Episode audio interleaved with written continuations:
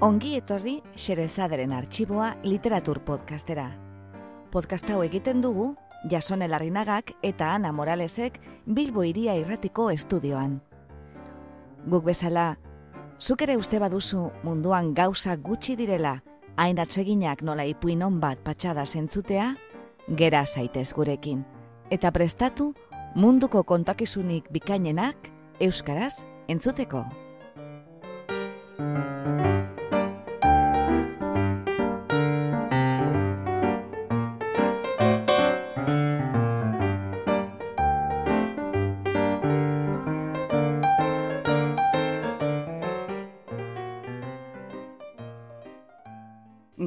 Xerezaderen arxiboan goraipamenak.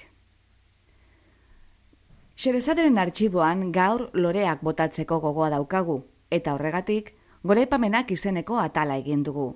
Margaret Atwooden eta Angel Erroren testu banarekin. Margaret Atwood, mila bederatzeon da eta hogeta meretzian jaio zen Ottawaan, Kanadan. Liburu asko eta askotarikoak idatzi ditu.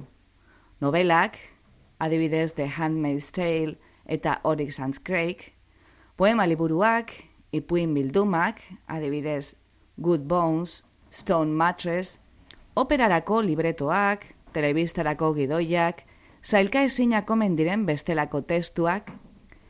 Batzuek diote, adgudek zientzia fikzioa egiten duela, baina berak nahiago du bere lana fikzio espekulatibo gisa definitu. Haren ustez, zientzia fikzioak oraindik gerta ezin daitezkeen gauz ez diardu, eta lur planetatik kanpo kokatzen da askotan. Fikzio espekulatiboak berriz, dauzkagun baliabideekin eta lur planetan bertan dagoeneko gerta litekeena ez diardu. Beste batzuetan, adbudek bere lana zientzia fikzio soziala izenaz identifikatu du. Zenbaitetan, mitologiako eta tradizioko ipuinen berridazketak egin ditu, ikuspegi berri eta harrigarrietatik. Ez daukagu adbuden libururik euskeraturik, baina elearazi blogean aurki dezakezue garazi arrulak itzulitako testu labur bat, non adbudek asaltzen duen nola zuen lehen harremana zientzia fikzioarekin. Literaturgilea izateaz gain, adbud teknologia asmatzailea ere bada. Berak asmatu zuen long pen izeneko beso errobotikoa, eta sortu zuen berori merkaturatzeko enpresa bat. Errobot besoari esker, batek urrunetik idaz dezake eskuz. Esaterako, eta hau bizitza errealeko adibide bat da, horrelaxe sortu baizitzaion ideia adudi. Idazle batek bere fanentzako liburuak sinaditzake urrunetik. Bideokonferentziaz ikusten ditu liburuzaleak eta haiek idazlea. Fanak liburu horbiltzen dio errobot besoari, idazleak dedikatoria idazten du ondoan duen LCD pantalla batean eta botoi bat sakatzen du. Orduan, munduko beste puntan, beso errobotikoak boligrafo normal batez idazten du paperezko liburuan Albud Andreak LCD pantailan idatzitakoa. Gaur dakargun testuak, emakume ergelak du izena, eta itziar diez deutzurunek itzuli du. Testo honetan adbudek emakume tuntunaren irudia du izpide. Beste hainbatetan bezala, tradizioko eta mitologiako figurak ekartzen ditu gogora. Eba, Bibliako ipuineko Virginia tuntunak eta Virginia argiak, Pandora, Txano gorritxo, eta omenaldi ambiguo eta umoretzu bat egiten die mespresatutako emakume tontoskei. Eta ambigoa diogu, idazlearen ironiak jomuga asko dituelako, eta aldakorrak, eta azkenean zalantza geratzen zaigu narratzailaren posturaz. Ematen du tarteka gizonak zerikatzen ari dela, beren erosotasunerako estereotipo bat, fikziozkoa definizioz, sortzeagatik. Tarteka ematen du uste handiko emakumeen kontra diarduela, beste emakume batzuk zapalduz, beren burua goratu nahi izateagatik. Tarteka, tuntunei eurei egiten diela kritika. Beste batzuek edo batzuetan eurek ere asmatutako fikzio hori betetzeagatik. Eta tarteka, guri, irakurlioi egiten digula izeka eta hartzen digula kargu. Literaturan eta prentza horian alako figurak dastatu eta elikatzeagatik. Ezin testu hau irakurri edo entzun, errubia tuntunaren ikonoaz gogoratu gabe. Hain mespresatua eta aldi berean hain erabilia, hainbat ertz dituena, Marilyn Monroe bezalaxe. Baina azken barrea, albuden narratzaile jostari eta gutxi fidatzekoak egiten du. Testuko azken lerroa gogoan tinkaturik geratuko zaizu luzaro. Adiegon eta esango didazu. Gure gaurko ataleko lehen goraipamena beraz, emakume ergelentzat da, Margaret Atwooden hitzetan eta itziar diez de utzurrunen itzulpenean eta ahotsean.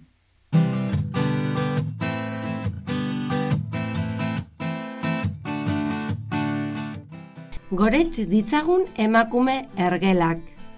Burugabeak, txoriburuak, hile hori kaskarinak, nerabe buru gogorrak amari kasu egiteko tuntun egiak.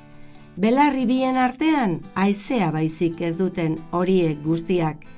Zerbitzari gorputz jori guztiak, egun ono opa digutenak eta kanbioak okerrematen. Beren horrazkera arroa, ispiluan aztertu biden abar beren kanitxe xampustatu berriak mikrouin labean idortzen dituzten guztiak. Eta mutil lagunek klorofilasko txikle antizorgailua dela esan, eta sinetxi egiten dieten, horiek guztiak. Urduri urduri azazkalak jaten dituzten horiek guztiak, ez dakitelako zirri egin ala egin. Zirri egin letraka nola erran, ez dakiten horiek guztiak hau bezalako txiste ergelekin gustora barri egiten duten guztiak, txistea ez ulertu arren.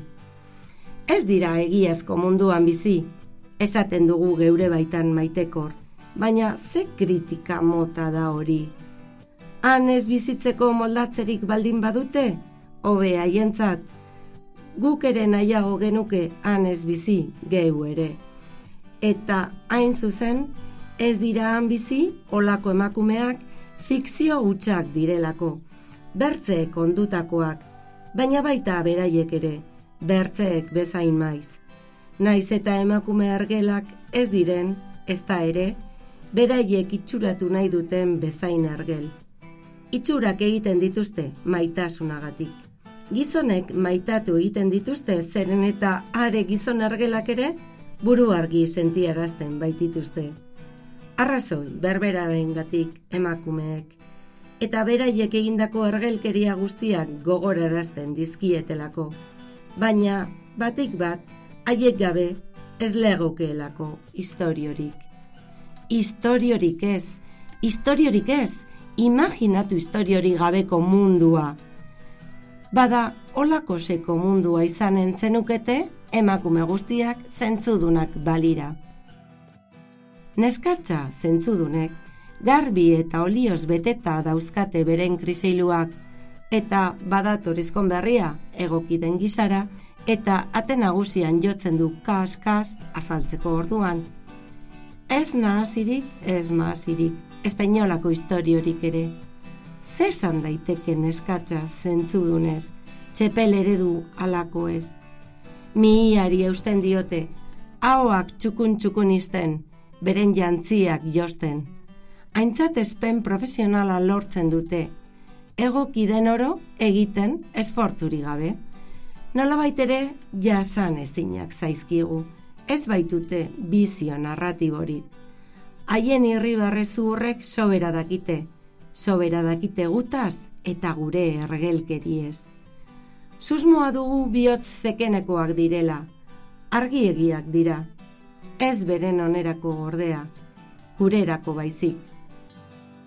Neskatza tuntunek bertzetik beren kriseiluak itzaltzen usten dituzte, eta ezkon berria agertzen denean, eta txirrina jotzen, lo daude oean, eta paretan gora igo eta leiotik sartu beharra du, eta jendea oiukazten da, eta estropezuk altzariekin, eta nahazten dira nortasunak, Eta ara hor jazarpen estena eta triskantzak, eta behar eta nahi behartzeik, iskan bila.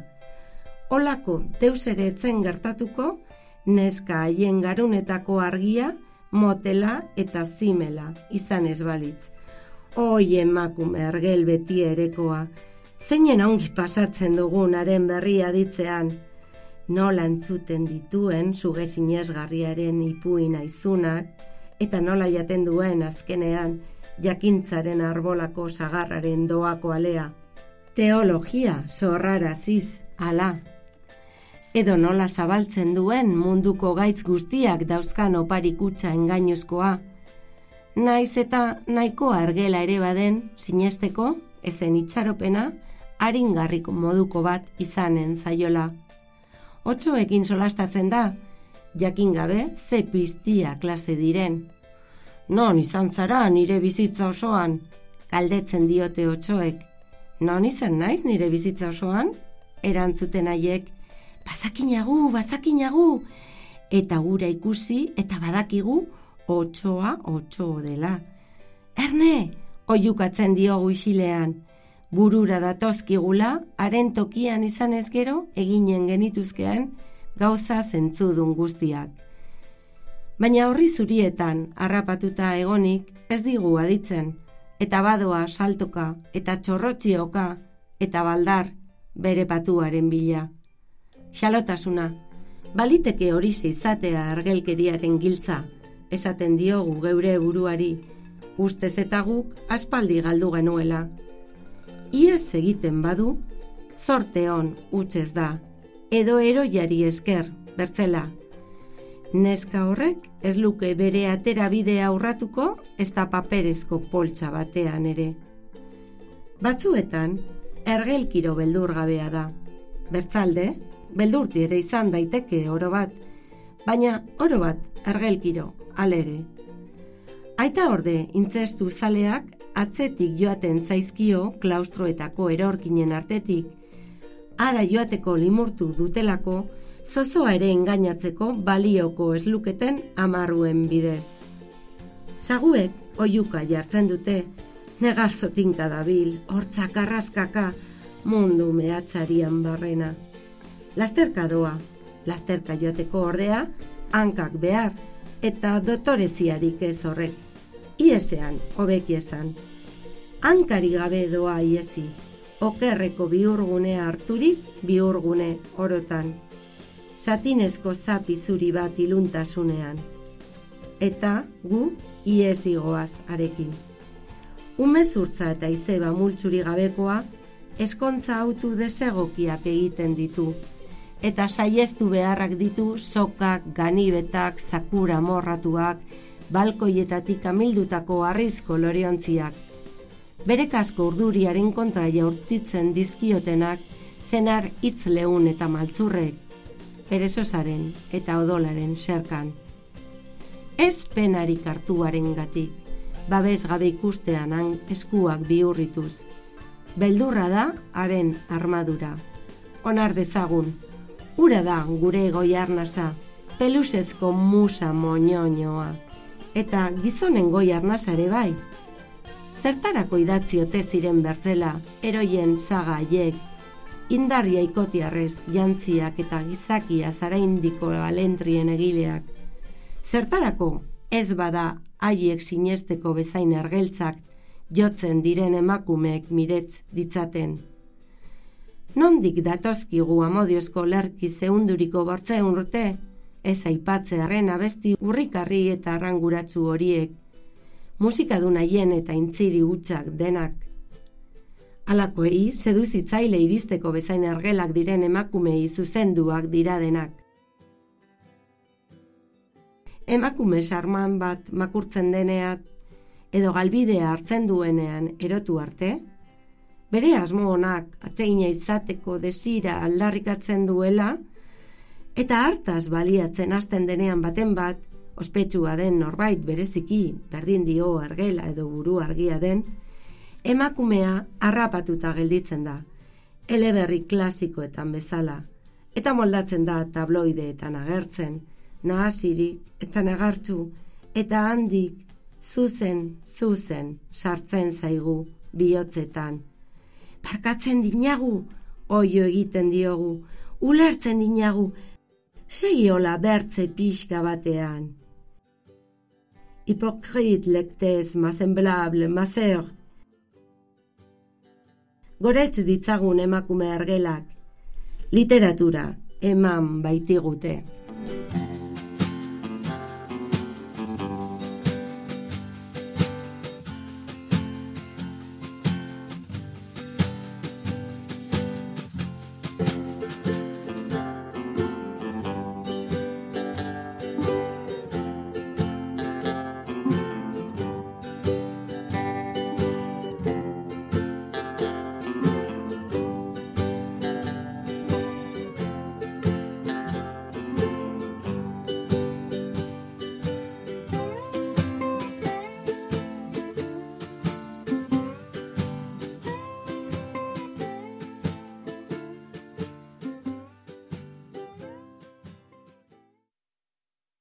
Gaurko bigarren goraipamena, Angel Erroren eskutik dator. Angel Erro mila bederatzion eta irurogeta masortzian sortu zen burlatan. Bi poema liburu dauzka argitaratuta, eta Arkadian ni, eta gorputzeko umoreak. Eta hainbat liburu itzuri ditu euskaratik, gaztelaniatik, frantsesetik eta ingelesetik. Azkenekoa, Emily Dickinsonen poema antologia izan da, poesia kaierak bilduman argitaratua. Erabide idatzietan kolaboratzen du, adibidez argian eta berrian, eta bolgako batelariak blog kolektiboko kidetako bat da. Tamales, isi xamar dago blog azken aldion. Berpiztu ezazue, arren, batelariok. Angel Erroren poemetan, oikoak dira kultura klasiko grekolatinoaren erreferentziak, eta umore xamur eta jostari bat, dogmatismoa eta sentimentalkeria usatzen dituena. Gaur irakurriko dugun poemak gorputz baten edertasunak kantatzen du. Eta desiraren, posaren, konplizitatearen eta eriotzaren minaren nahasketa sotila da. Lehenago aipatutako umore xamur horren lurrinak perfumatua. Poemak AP amabi sortzi du izena. AP siglak antologia palatinoa izeneko poema bilduma aipatzeko erabiltzen dira. Antologia palatinoa poema grekoen bilduma bat da, aro klasikotik bizantinor arteko testuak biltzen dituena. Antologia hau heldu zaigu amargarren mendeko kodize bati esker. Hainbat liburuko ditu eta amabigarrenean poema erotikoak batzen dira, gehienak homoerotikoak. Antologiako liburuki horretako poemak bildu zituena, sardezeko straton izan eizen, bigarren mendeko epigramista bat. Entzun dezagun bada, eguneko bigarren goraipamena Angel Erroren eskutik. Poemak izena du AP Amabi Sortzi.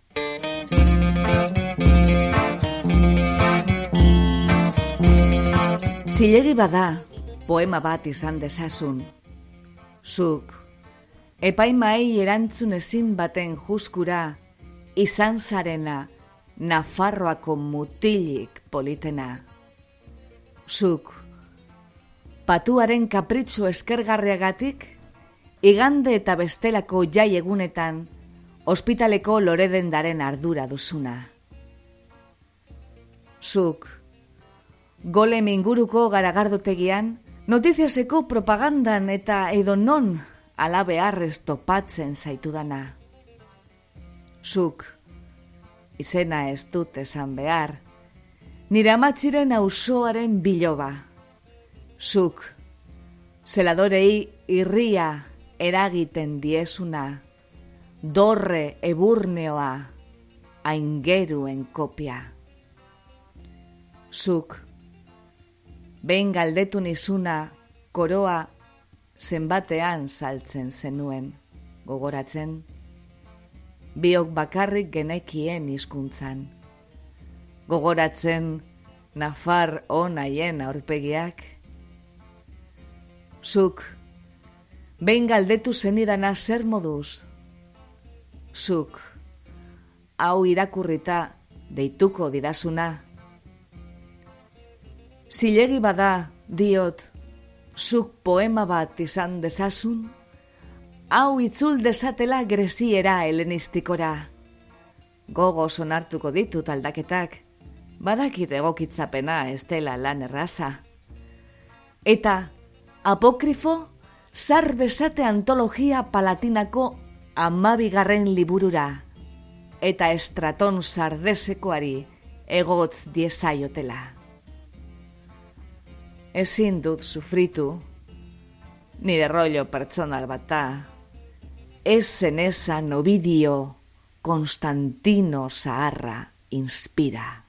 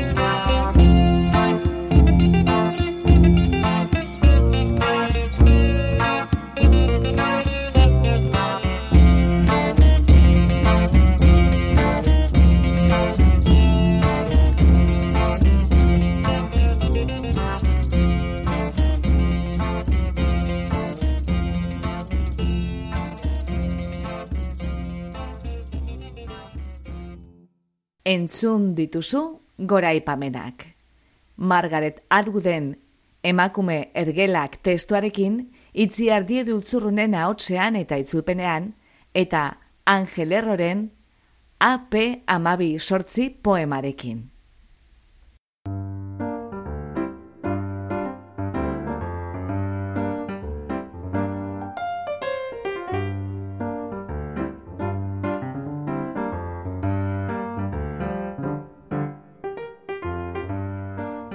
Xerezaderen arxiboko beste atal bat entzun duzu. Gure doinoa da, Charleston Behind the Attic Door, Dance of the Wind taldearena. Besterik adierazi ezean, gure musikak jamendo.cometik hartuak dira, eta soinu efektuak berriz, freesound.cometik ateratakoak. Podcast hau egiten dugu Jason Elarrinagak eta Ana Moralesek Bilbo Iria Errotiko estudioan, Leioan eta Mungian. Mila esker gurera hurbiltzeagatik. Gustura egon bazara? Erdu urrengo batean ostera ere, Xerezaderen arxiboa literatur podcastera. Laster arte!